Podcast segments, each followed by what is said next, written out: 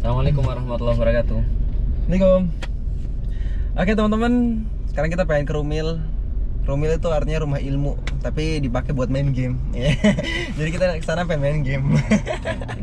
ya kan? Oke.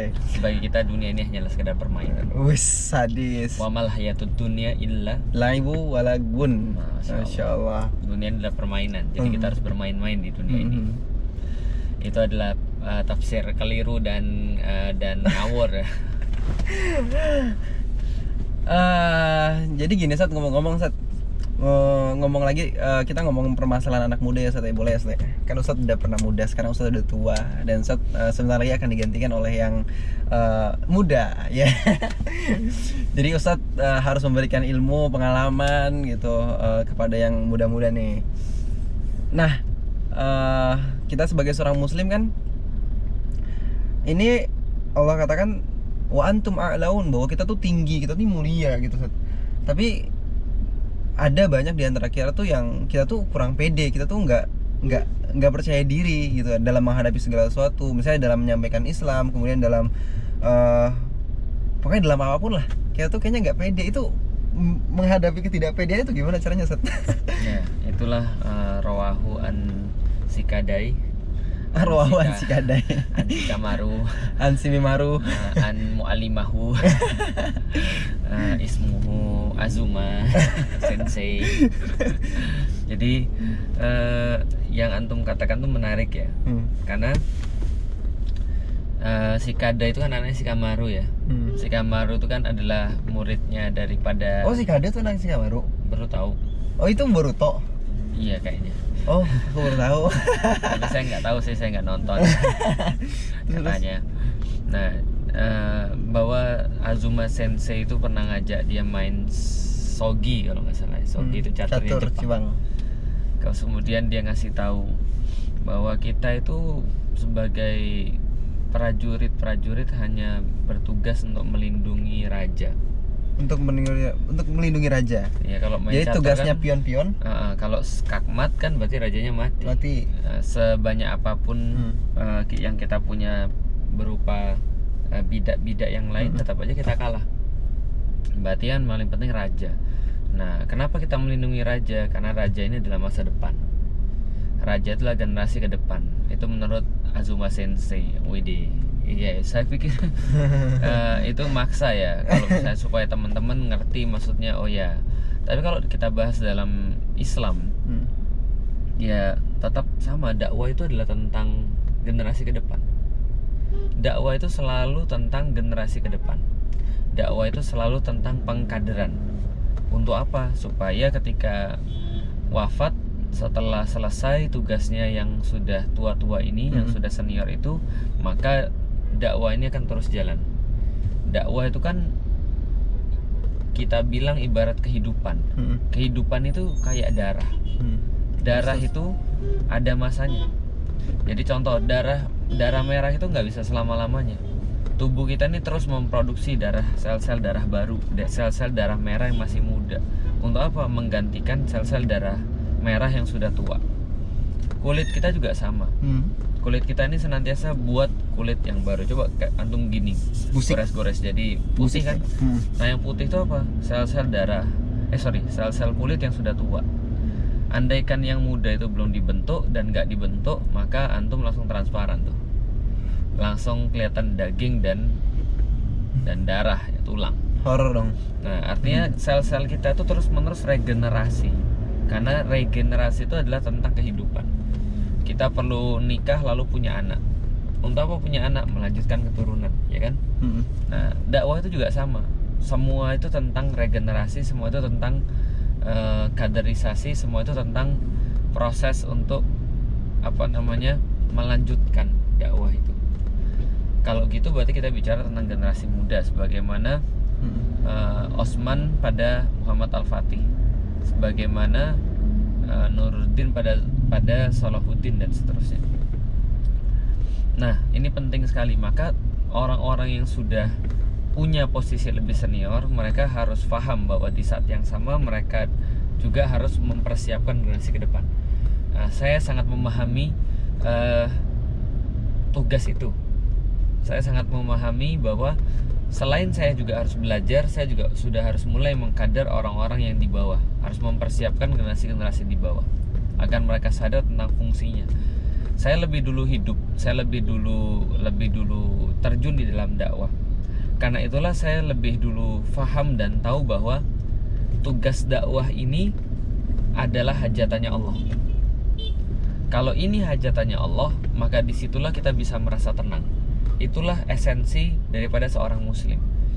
Dia bisa merasa tenang ketika mengembalikan semua ini pada Allah merasa Saya tenang memang, uh. ketika mengembalikan semua yang Allah titipkan kepada kita baik itu harta semua tenaran semua apa pun Bahkan itu hidup kita. kita Uh. untuk Allah itu baru bisa tenang Betul.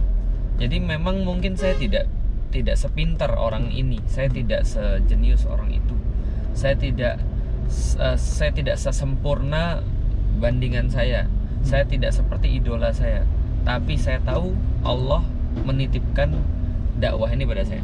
Hmm. Maka karena ini hajatnya Allah, Allah lah yang akan bimbing saya dalam perjalanan ini.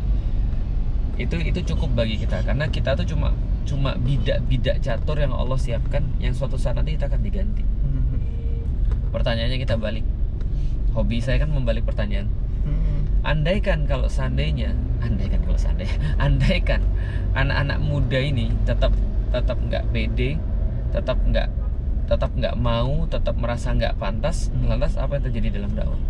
nggak ada yang mau dakwah Mereka tidak melaksanakan dakwah, yang tua-tua melaksanakan dakwah, Hmm. pada gilirannya mereka, yang tua ini akan terputus dengan generasi muda, Hmm. karena kan kita kan bagikan rantai kan, Hmm. terputus dengan generasi muda, mereka tidak bisa mendapatkan pemahaman bahwa dakwah ini adalah ternyata bagian daripada tugas kita dan mereka nggak bisa transfer ke bawahnya lagi.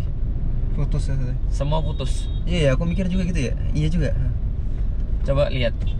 Kenapa ada saya? Hmm. Karena ada angkatan-angkatan kayak Fatih Karim Hmm. yang menyadarkan dia, kamu memang kuliahnya bukan kuliah agama. Kamu memang bukan anak pesantren, tapi kamu itu memperjuangkan kebenaran. Kenapa kamu harus takut? Kenapa kamu nggak pede? Sementara orang-orang jual kesalahan tapi pede.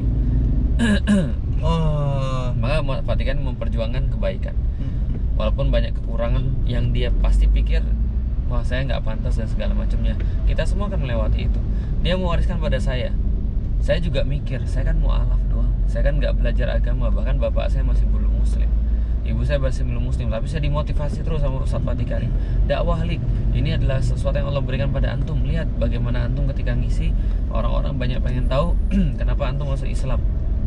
Dakwah lik. Ini kesempatan lik. Akhirnya saya kemudian belajar lalu kemudian berdakwah. Sampai saya punya pemahaman begitu untuk diberikan pada antum.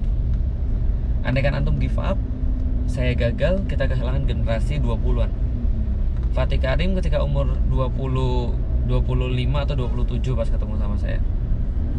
Dia kelahiran 79 temu saya 2002 berarti 20-an dia ketika umur 20-an saya umur 18-an dia transfer itu pada saya saya sekarang umur 30-an saya transfer itu pada antum yang umur 20-an antum akan mentransfer itu kepada anak-anak yang usia 15 sampai 18 tahun yang lain.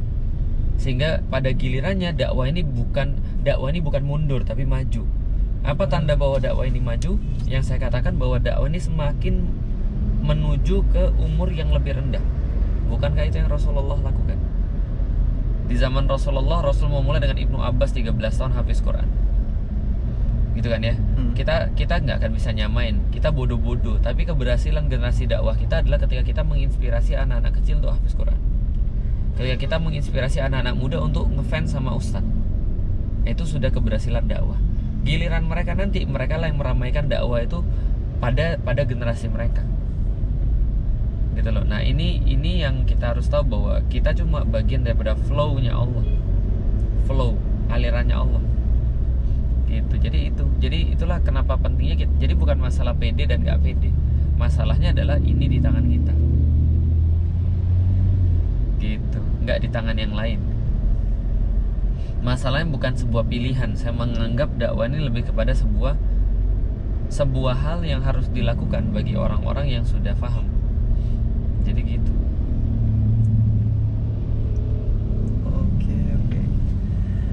Dah benar banget. Yang aku lihat aku mikir gitu ustadz-ustadz yang sering aku dengerin gitu kan. Ustadz-ustadz yang sering aku lihat di YouTube gitu yang aku harap-harapkan bisa ketemu gitu ya. Hmm. ini siapa yang gantiin ya? Iya. kayak contohnya kayak Ustadz Budi Ashari gitu kan. Mm-mm. beliau punya proyek yang sangat besar gitu buat Indonesia. Bahkan beliau bilang begini ya "E, kita nih pengen ngalahin Yahudi. Masa kita pengen masa kita pakai kurikulum Yahudi? Ya, akhirnya beliau buat apa eh, eh, Kutab Al-Fatih terus dengan program yang beliau susun dengan ilmu beliau ya.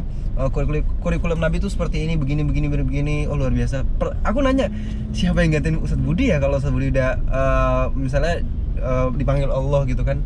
Terus nanya-nanya lagi nanti siapa lagi juga yang gantiin kalau kalau di sekitar kita Ustadz Condro. Ada banyak banget Ustadz-Ustadz yang aku pikir ini siapa yang gantiin gitu. Itu yang saya pikir dulu. Saya mikirnya bahkan lebih sederhana lagi. Gimana dakwah akan berkembang. Lebih banyak majelis taklim yang ada lebih banyak kemudian manusia yang pengen ngaji. Saya saya lebih berpikir lebih sederhana lagi. Kalau tak taklim lebih banyak. Sekarang taklim sudah ada lima misalnya. Hmm. semuanya pengen ustadz yang ini. Ada satu masa di mana ustadz itu nggak bisa memenuhi seluruh panggilan. Undangan. Ustadz penuh gitu ya Ustadz ya? Iya. Nah, dulu saya mikir ustadz-ustadz yang yang sudah penuh itu kalau seandainya orang perlu badal ketika dia lagi sakit, Hmm. ketika orang perlu kemudian uh, second layer lah Hmm. ibaratnya. Ibaratnya cadangan lah. hmm. Uh, Ramadan apalagi bulan Ramadan? Aduh, bener. Ramadan ada 30 hari. Hmm. Nggak mungkin semua ustadz dioper ke seluruh Indonesia kemudian masjid di Jakarta aja ada seribuan lebih. Hmm. Eh seribuan atau berapa? Hmm. Lebih kayaknya. Nah, yang jelas berarti kita perlu stok-stok orang-orang yang ngomong tentang Islam. Gitu loh. Kan miris, masa yang diundang adalah orang-orang yang bukan Islam ke masjid. Ya toh? Hmm, hmm, hmm. Nah, itulah yang kemudian eh, hal sederhana itu memotivasi saya untuk ya memang ini adalah jalan kita dakwah. Mengenai kemudian dikatakan, "Wah, kamu tuh nggak berilmu, kamu tuh Hmm. kok harus dakwah dulu." Ya, kita ambil aja kebaikannya. Kebaikannya adalah dia mem- memotivasi kita untuk senantiasa untuk Nggak. belajar Hmm. agar kita senantiasa memperbaiki apa yang kita sampaikan Hmm. Bahwa semua yang kita sampaikan harus berdasarkan ilmu. Hmm. gitu kan ya? Kita ambil kebaikannya saja. Tapi ya jangan sampai menghalangi kita juga untuk berdakwah. Oh Karena- iya gue belum lulus LC gitu ya ya iya karena karena kita nggak bisa nungguin. Hmm. gitu kan ya? Kalau semua orang harus nunggu LC untuk bisa berdakwah misalnya. Lah terus mau dikemanain dengan masjid-masjid yang lain itu? Kita nggak bisa mengcover semuanya. Gitu loh maksudnya. Makanya dakwah itu di masa Rasulullah ya disederhanakan banget ngajak orang kepada kebaikan gitu kan ya. Lalu kemudian eh, beramar ma'ruf nahi munkar itu sudah dakwah. Dan kita hanya membahas sesuatu yang memang kita pahami. eh, pahami Hmm. dan sesuatu yang tidak perlu untuk eh, apa namanya diperdebatkan. Apa? bukan hanya diperdebatkan sesuatu yang tidak perlu ilmiah memang. Hmm. contoh misalnya kayak ilmu hadis. Ilmu hadis itu ilmiah Hmm. gitu kan ya.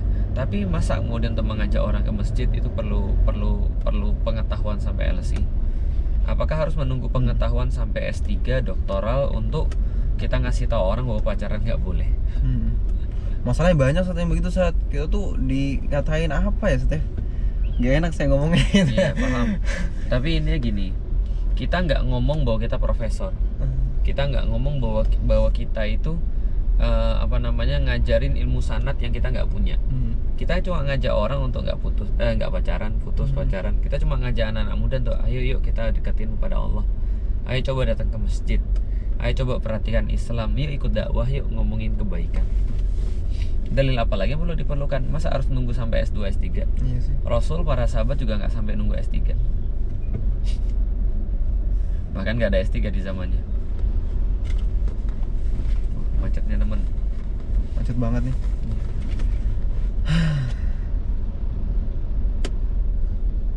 Barakallah. Alhamdulillah Oke teman-teman, Eh, kira-kira teman-teman eh, pengen nanya apa sama Ustadz Felix? Nanti aku bacain eh, pertanyaan teman-teman di kolom komentar ya di episode berikutnya tentunya. Oke? Oke, bye. Tapi tapi lihat dulu ya sebelum kamu nanya kamu harus eh, apa lihat-lihat dulu video-video sebelumnya. Kan biasanya udah kita tuh udah kita Lama tuh udah baca gitu ya. Kita tuh udah pernah bahas itu cuman ya belum temen to- tonton eh teman-teman tanya lagi tapi nggak apa-apa lah. Pokoknya teman-teman tanya aja. Namanya juga orang. Kalau nonton semua bisa berbulan-bulan. Wede. Oke, bye bye.